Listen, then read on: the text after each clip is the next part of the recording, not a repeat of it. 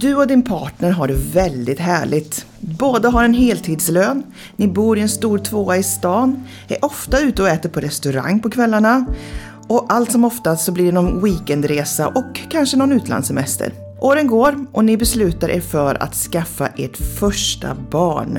Och i och med det beslutet så kommer era liv och plånböcker att förändras för alltid. Vad ska man tänka på när man går från tvåsamhet till tresamhet?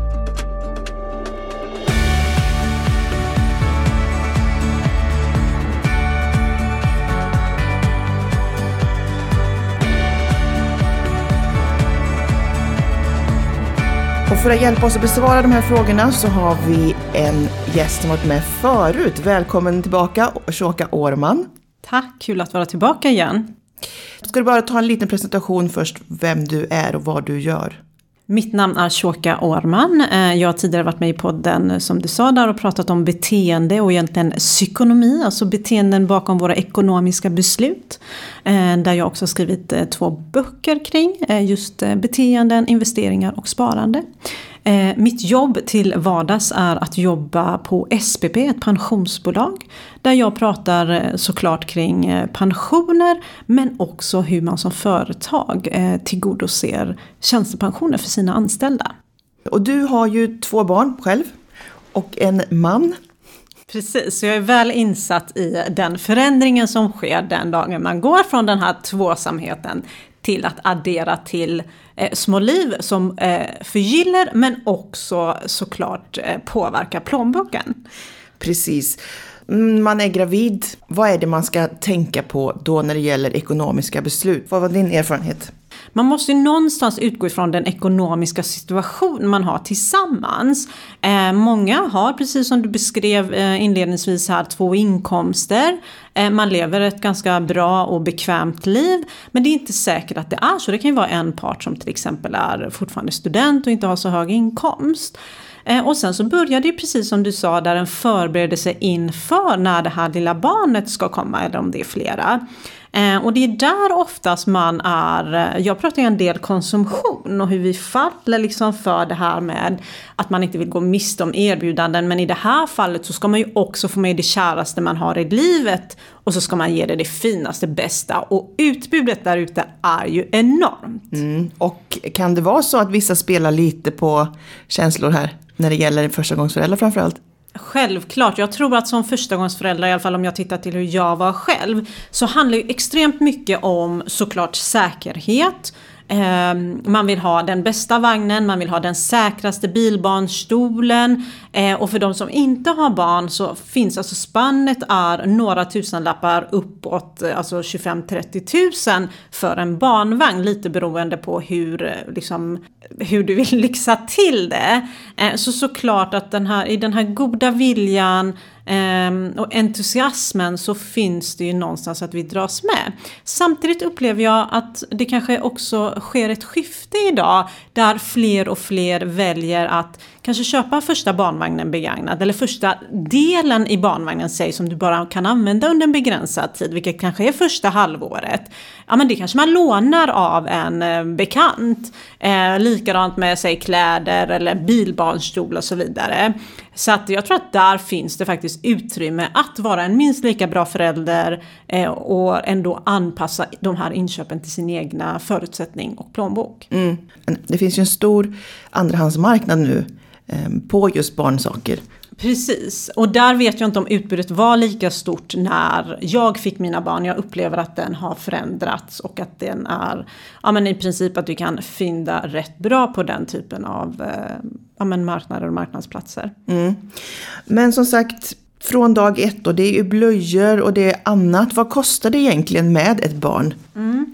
Eh, det finns ju lite statistik kring vad eh, barnen kostar. Det man inte får glömma av är ju också en viktig del i när man skaffar barn är ju det här med föräldraledigheten. En av oss ska ju vara hemma en större eller en längre tid och ta hand om barnet. Så du får ju en indirekt inkomstbortfall många gånger när du är eh, hemma.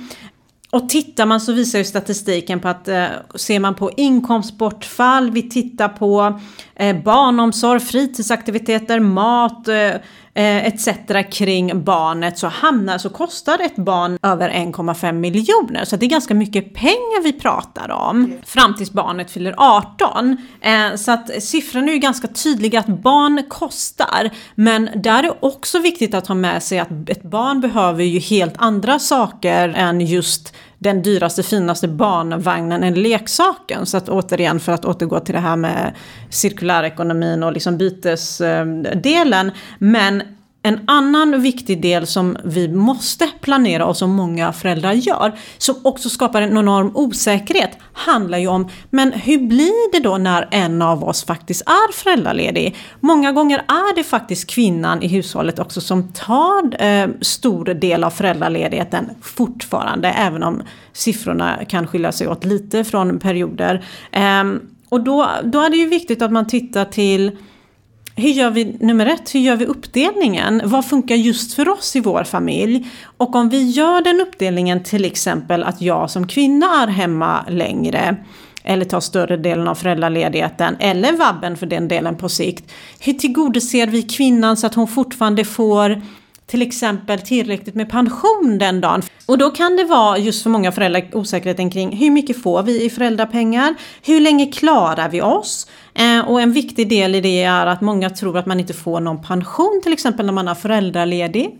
Ja, det är en beskattningsbar inkomst vilket i sin tur ger dig pensionsrätter. Hur mycket är föräldrapenningen? Ja, men det beror ju såklart på hur lång tid eh, vad du har din SGI då, alltså din eh, inkomst och också hur du väljer att ta ut dina föräldradagar. Så att där kan man liksom inte säga att det är en generell siffra, det är liksom inte som barnbidraget. Så det är utifrån vad du har haft för tidigare inkomst. Sen finns det ju ett, Eh, en siffra som är liksom någon bottennivå ehm, eh, då. Föräldraledigheten ger dig fortfarande pensionsrätter till den allmänna pensionen, alltså den statliga pensionen. Och där är det också viktigt att titta till, vill man ha liksom någonstans bekvämligheten eller liksom känna lite trygghet i hur ens ekonomiska situation kommer att se ut så kan man faktiskt kontakta sin arbetsgivare för vi har ju också en avsättning via arbetsgivaren, en tjänstepension. Ehm, och där kan det skilja sig åt lite beroende på vilket avtal man tillhör. Ehm, och många arbetsgivare idag har ju faktiskt att du får en extra avsättning under till exempel första året. Så det kan man också, det är också bra tips att ha med sig när man börjar planera mm. framåt. Sen så är det ju också så, oftast är det kvinnan kommer tillbaka Tillbaka från jobbet, då är det inte heltidsarbete längre. Precis, och jag har ju själv varit en sån såklart som inte heltidsarbetat under de åren mina barn har varit små. Det, det är ju därför också hela den här jämställdhetsfrågan dyker upp. Det handlar inte bara om att det påverkar ens pension.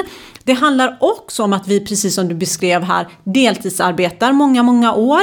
Det påverkar vår löneökning. Det påverkar vilka typer av tjänster kanske vi kommer att kunna bli erbjudna kommande åren eller ganska många år framåt. Det påverkar ju andra aspekter i detta. Därför är det viktigt att man kommunicerar kring de här delarna. Att om det är så här att den ena parten ska arbeta deltid, ska vi då sätta av extra avsättning till dig som en komplement för den pensions eller inkomstbortfall eller pensionsbortfall du får.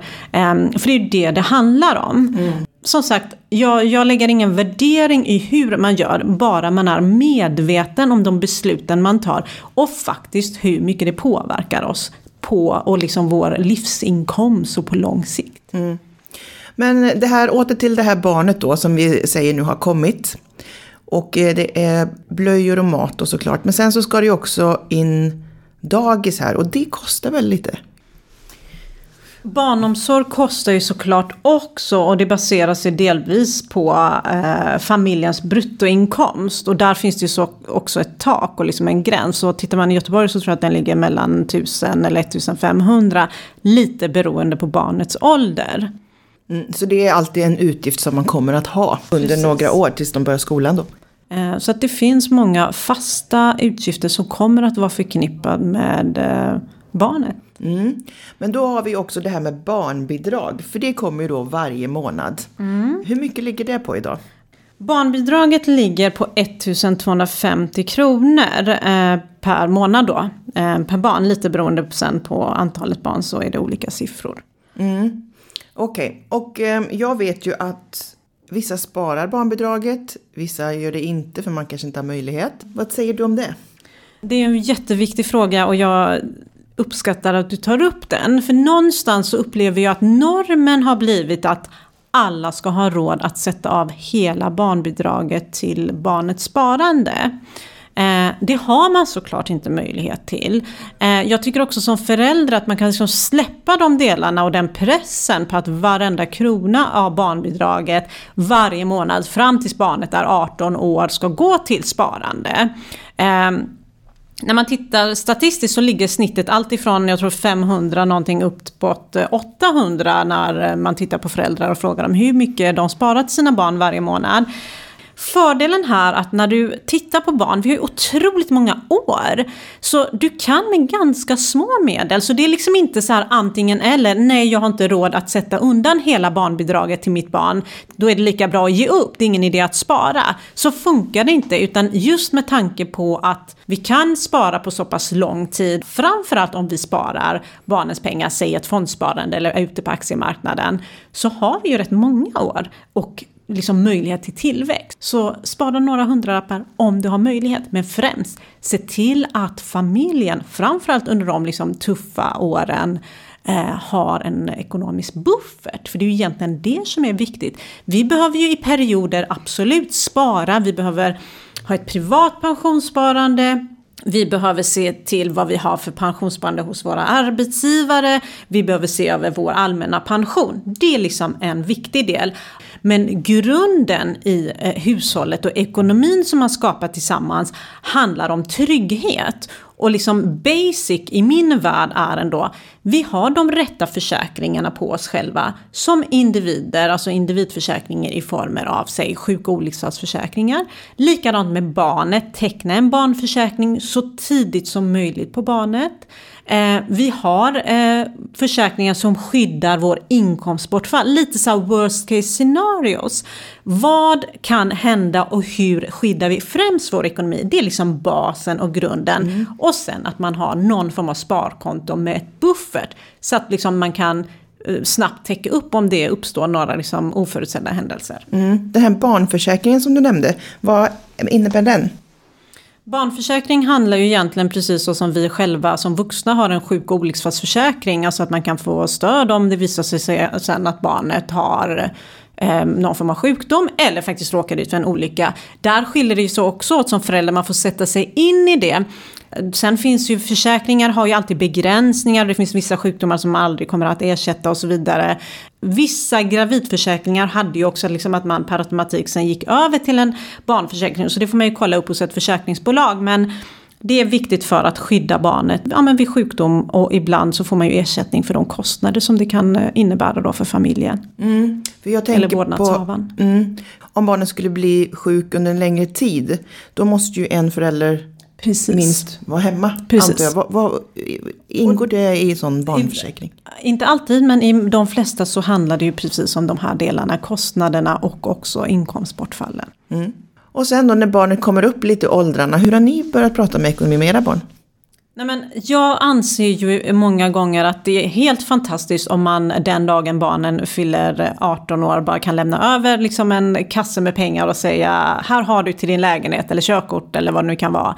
Men tyvärr eh, det ser vi både hos yngre men också faktiskt vuxna. Har du inte de rätta ekonomiska kunskapen med dig och de rätta ekonomiska beteendena så spelar det ju liksom ingen roll hur mycket pengar du har utan då sitter du där ändå i slutet av månaden, eh, har inga pengar kvar. Eh, så att, att prata om ekonomi generellt vid matbordet, att man förklarar för barn att det inte bara är det här kortet man drar och att det finns oändligt med pengar i den, utan det tar faktiskt slut.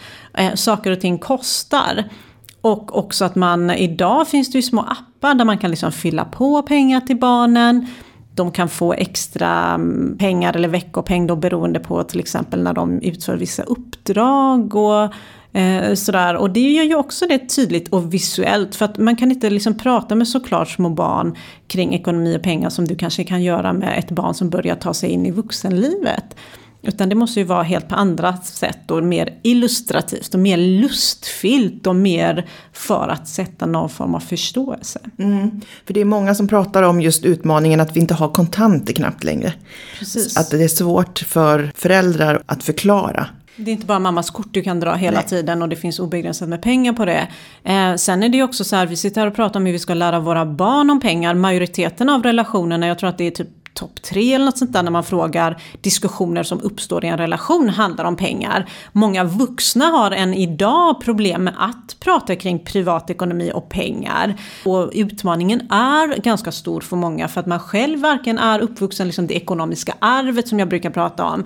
Pengar och ekonomi väcker ju känslor i oss. Eh, osäkerhet, oro, eh, vi kanske kommer från en svår ekonomisk eh, familjesituation sen innan. Vi är uppvuxna med olika typer av förutsättningar motsättningar. och så ska man som två individer helt plötsligt hitta, inte nog att man gemensamt ska hitta en ekonomi som funkar för en eh, och där man kanske tycker att prio är detsamma och man ska lägga pengar på samma saker. Helt plötsligt så ska man lära någon annan. Vi ska börja gärna med våra barn och så vidare. Så det är en komplex fråga.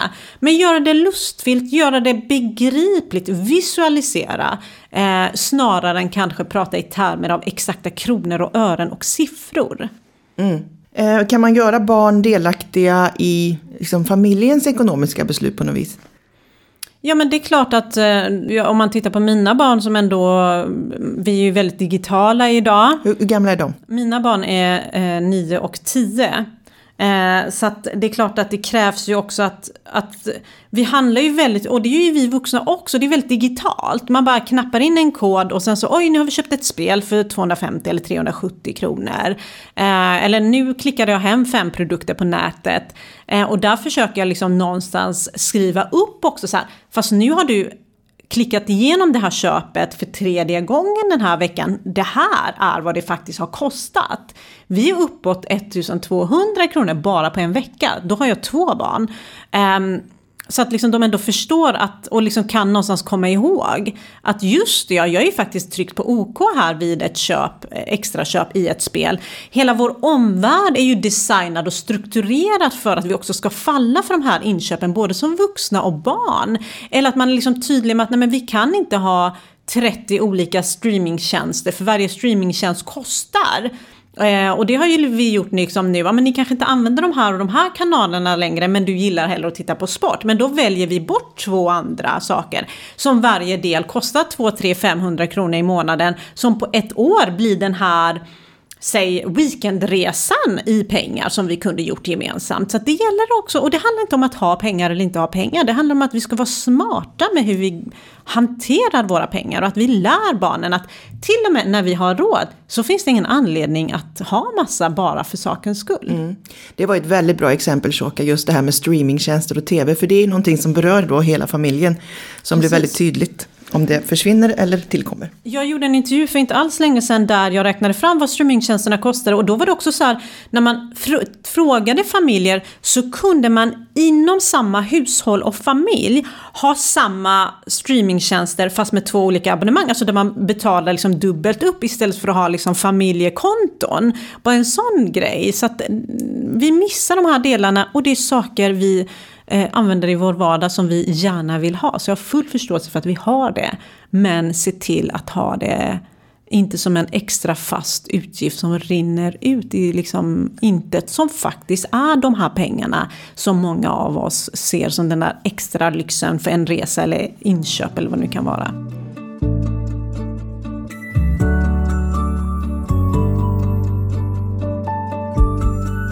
Det här paret då som jag nämnde i början, mm. de upplever nu att de också måste köpa en ny bostad.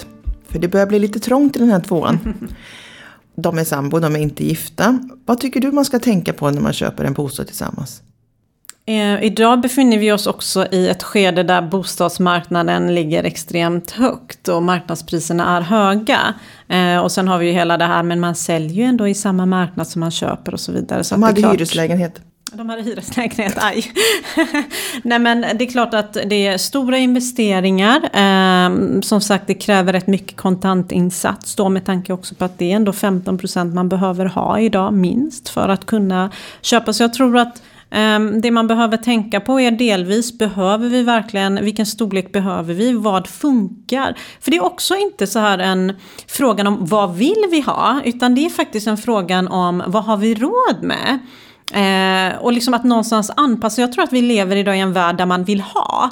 Eh, jag är inte varken uppvuxen eller själv har levt en värld där jag har viljat ha saker. Utan vad har jag möjlighet till? Och sen, eller jag vill ha någonting men hur skapar jag förutsättningarna dit?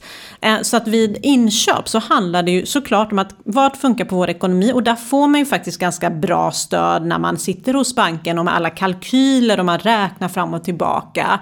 Eh, men där tycker jag också att bara för att du har råd att köpa någonting för si och så mycket så tycker jag också man kan utvärdera är det rimligt att vi lägger 8000 kronor eller 12 000 kronor i månaden för, som enbart på boende? Sen handlar det här, om man kanske eh, kommer in i en relation. Eh, I det här fallet så är det att man bor i en hyresrätt men man ska köpa någonting tillsammans. Den ena parten kanske har ärvt pengar man har med sig in. Man går helt enkelt in med en större kontantinsats. Då är det viktigt att man har papper på de här delarna så att vid en eventuell separation att man faktiskt får med sig ut de här pengarna. För det, det får man ju faktiskt inte glömma av. Det är extremt viktiga beslut. Nu är räntorna väldigt låga i dagsläget och kommer sannolikt vara det ett tag framöver. Men det är klart att adderar man till några procent där så helt plötsligt så kanske kostnaden blir större än vad man egentligen eh, accepterar och vill ha. Mm. Och när man tar lån då tillsammans fast man inte är gifta.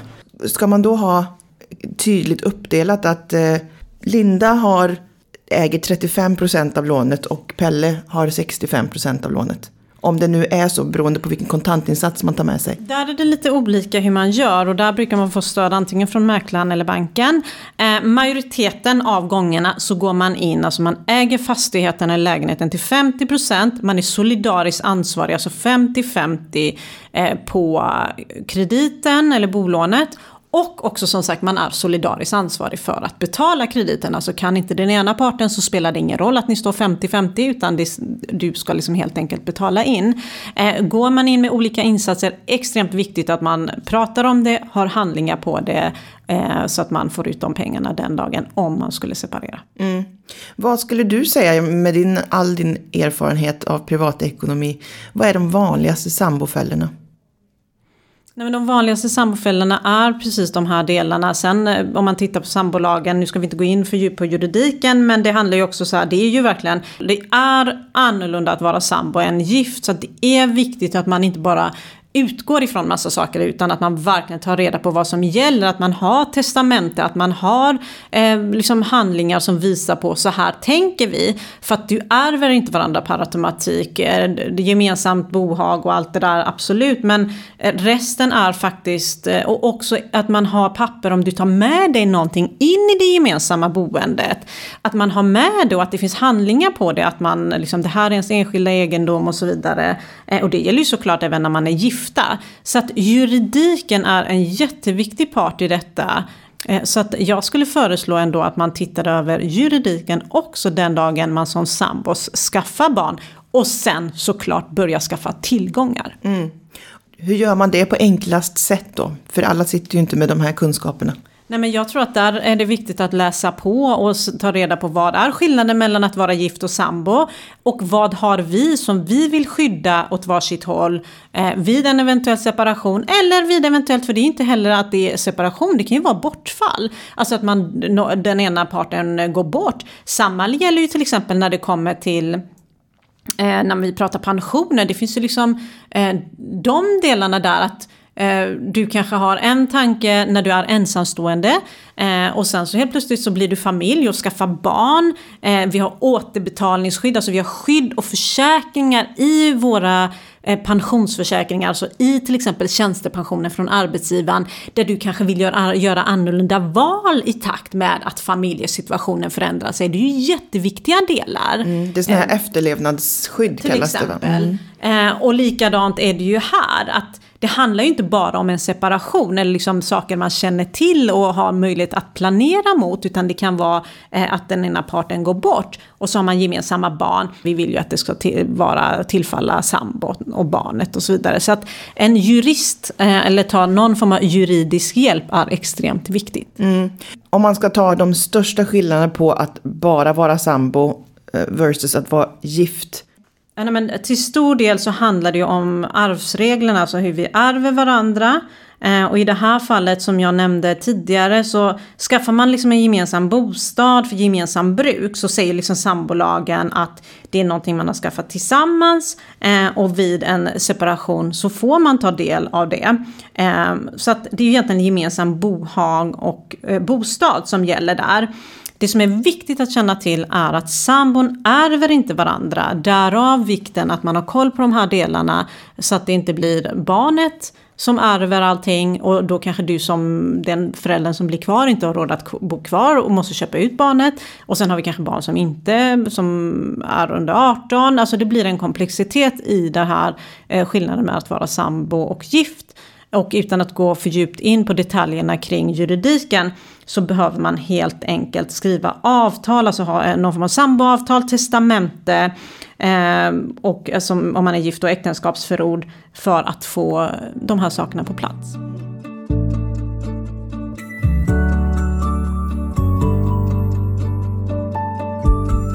Okej, men då är vi den här lilla familjen då på två vuxna och ett barn. Hur ska man lägga upp sparandet? Hur mycket buffert behöver man ha? Eh, buffert brukar vi säga så här, två till tre månadslöner kan vara bra men det är ganska mycket pengar och alla har inte förutsättningar till det. Eh, men någon form av månadslön i buffert på ett konto är liksom inte placerat utan någonstans där man kan få tillgång till pengarna snabbt eh, är bra att ha som familj. Har man möjlighet till mer så som sagt så handlar det om att ha någon form av långsiktigt sparande. Eh, men också såklart se över sina pensioner och ha någon form av individuell pensionssparande. Alltså utöver det som är den allmänna pensionen och tjänstepensionen som du får från arbetsgivaren. Eh, när det kommer till barnets sparande, där är det också samma sak. Återigen, där har vi ju ganska många år på oss. Så där handlar liksom steg ett, hur mycket har vi råd här och nu? Det är ju ingenting som säger att Sätter du ett månadssparande, du kan ju ändra på det när som. Det är ju ditt, ditt privata sparande också. Ehm, eh, men att man sparar några hundralappar eller tusenlappar, lite beroende på hur mycket förutsättningar man har. Och sen väljer sparform. I vilken sparform vill vi spara? Är det fonder? Är det aktier? Eh, när vi pratar långsiktigt sparande så är det ju inte liksom värt att sätta pengarna på ett sparkonto, framförallt med tanke på ränteläget just nu, utan det är ju någonstans fonder och aktier som du har som alternativ. Eh, man kanske vill spara hållbart till barnen man vill investera i hållbara fossilfria bolag till exempel och såklart välja risk. Men när det kommer till barnsparande, annan form av liksom långsiktigt sparande och då kan någon fråga men vad är långsiktigt sparande? Långsiktigt sparande kan ju vara 5 år, 10 år, 15, 20 år som pensionen eller 25 år som pensionerna kan vara.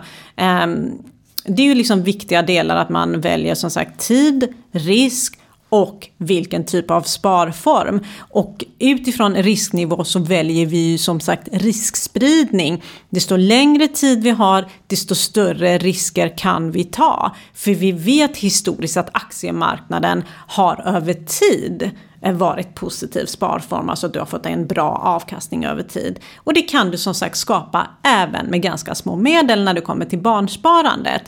En annan viktig del när det kommer till barnsparandet är i vems namn ska vi spara till barnet? Mitt mm eller barnens? För där skiljer det ju också sig åt. Sparar du i barnets namn så får barnet en, eh, ett brev hem den dagen sannolikt han fyller eller hon fyller 18 där de egentligen tar tillgång till det här kapitalet. Vill man det? Eller vill man istället spara i sitt namn men med barnet som förmånstagare? Eh, alltså att barnet får pengarna vid en angiven datum eller ålder eller vad det nu kan vara. Så att det är också viktiga delar och där kan man såklart också ha testamente för att styra eh, pengarna då. Eh, sen kommer frågan, många har barn födda olika år, vad är rättvisetänket här? Ska vi spara exakt samma månadssparande till båda barnen men det ena barnet är ju eh, tre år yngre och har hunnit få några extra tusenlappar sig sparat. Eh, ska vi dela exakt samma sen eller hur ska fördelningen vara? Och där är det liksom lite grann upp till var och en själv att eh, se vad man vill. Men en viktig, viktig del, i vems namn ska vi spara? Mm. Väldigt bra tips, eller väldigt bra information. Ja, avslutningsvis då, så, vilka är dina tre bästa tips inför anskaffande av barn? Eh, jag skulle säga ehm, livsvalen, alltså de besluten ni tar under de åren kommer ju påverka er ekonomi och kanske den som som sagt tar de flesta föräldradagarna, vabbdagarna och deltidsarbetet. Eh, att man har med det i sin beräkning och försöker skydda eh, sin partner. Ehm, Eh, sen skulle jag absolut eh, säga tänk hållbart och tänk mer eh, kring det här med låna, byta istället för att springa till affären och liksom köpa in allt enligt en lista. För det är ju också det, det finns ju listor på, man går in där och så bockar man av allt och så kommer man ut med stora påsar. Känslan är oslagbar, men är det verkligen värt det? Och måste man verkligen köpa allting nytt? Då måste man köpa allt som rekommenderas och pratas om. Så hållbart tänk för miljön och och plånboken. Och mitt tredje och sista tips skulle vara egentligen att det handlar inte nödvändigtvis om hur mycket pengar man har och hur mycket man hinner spara till barnet. Utan den största gåvan man egentligen kan ge är ju det ekonomiska kunskapet och tänket kring det. För fler tips, råd och verktyg om hur du hittar ditt lagom, besök shoppalagom.se. Shoppa Lagom är ett initiativ av Alectum Group.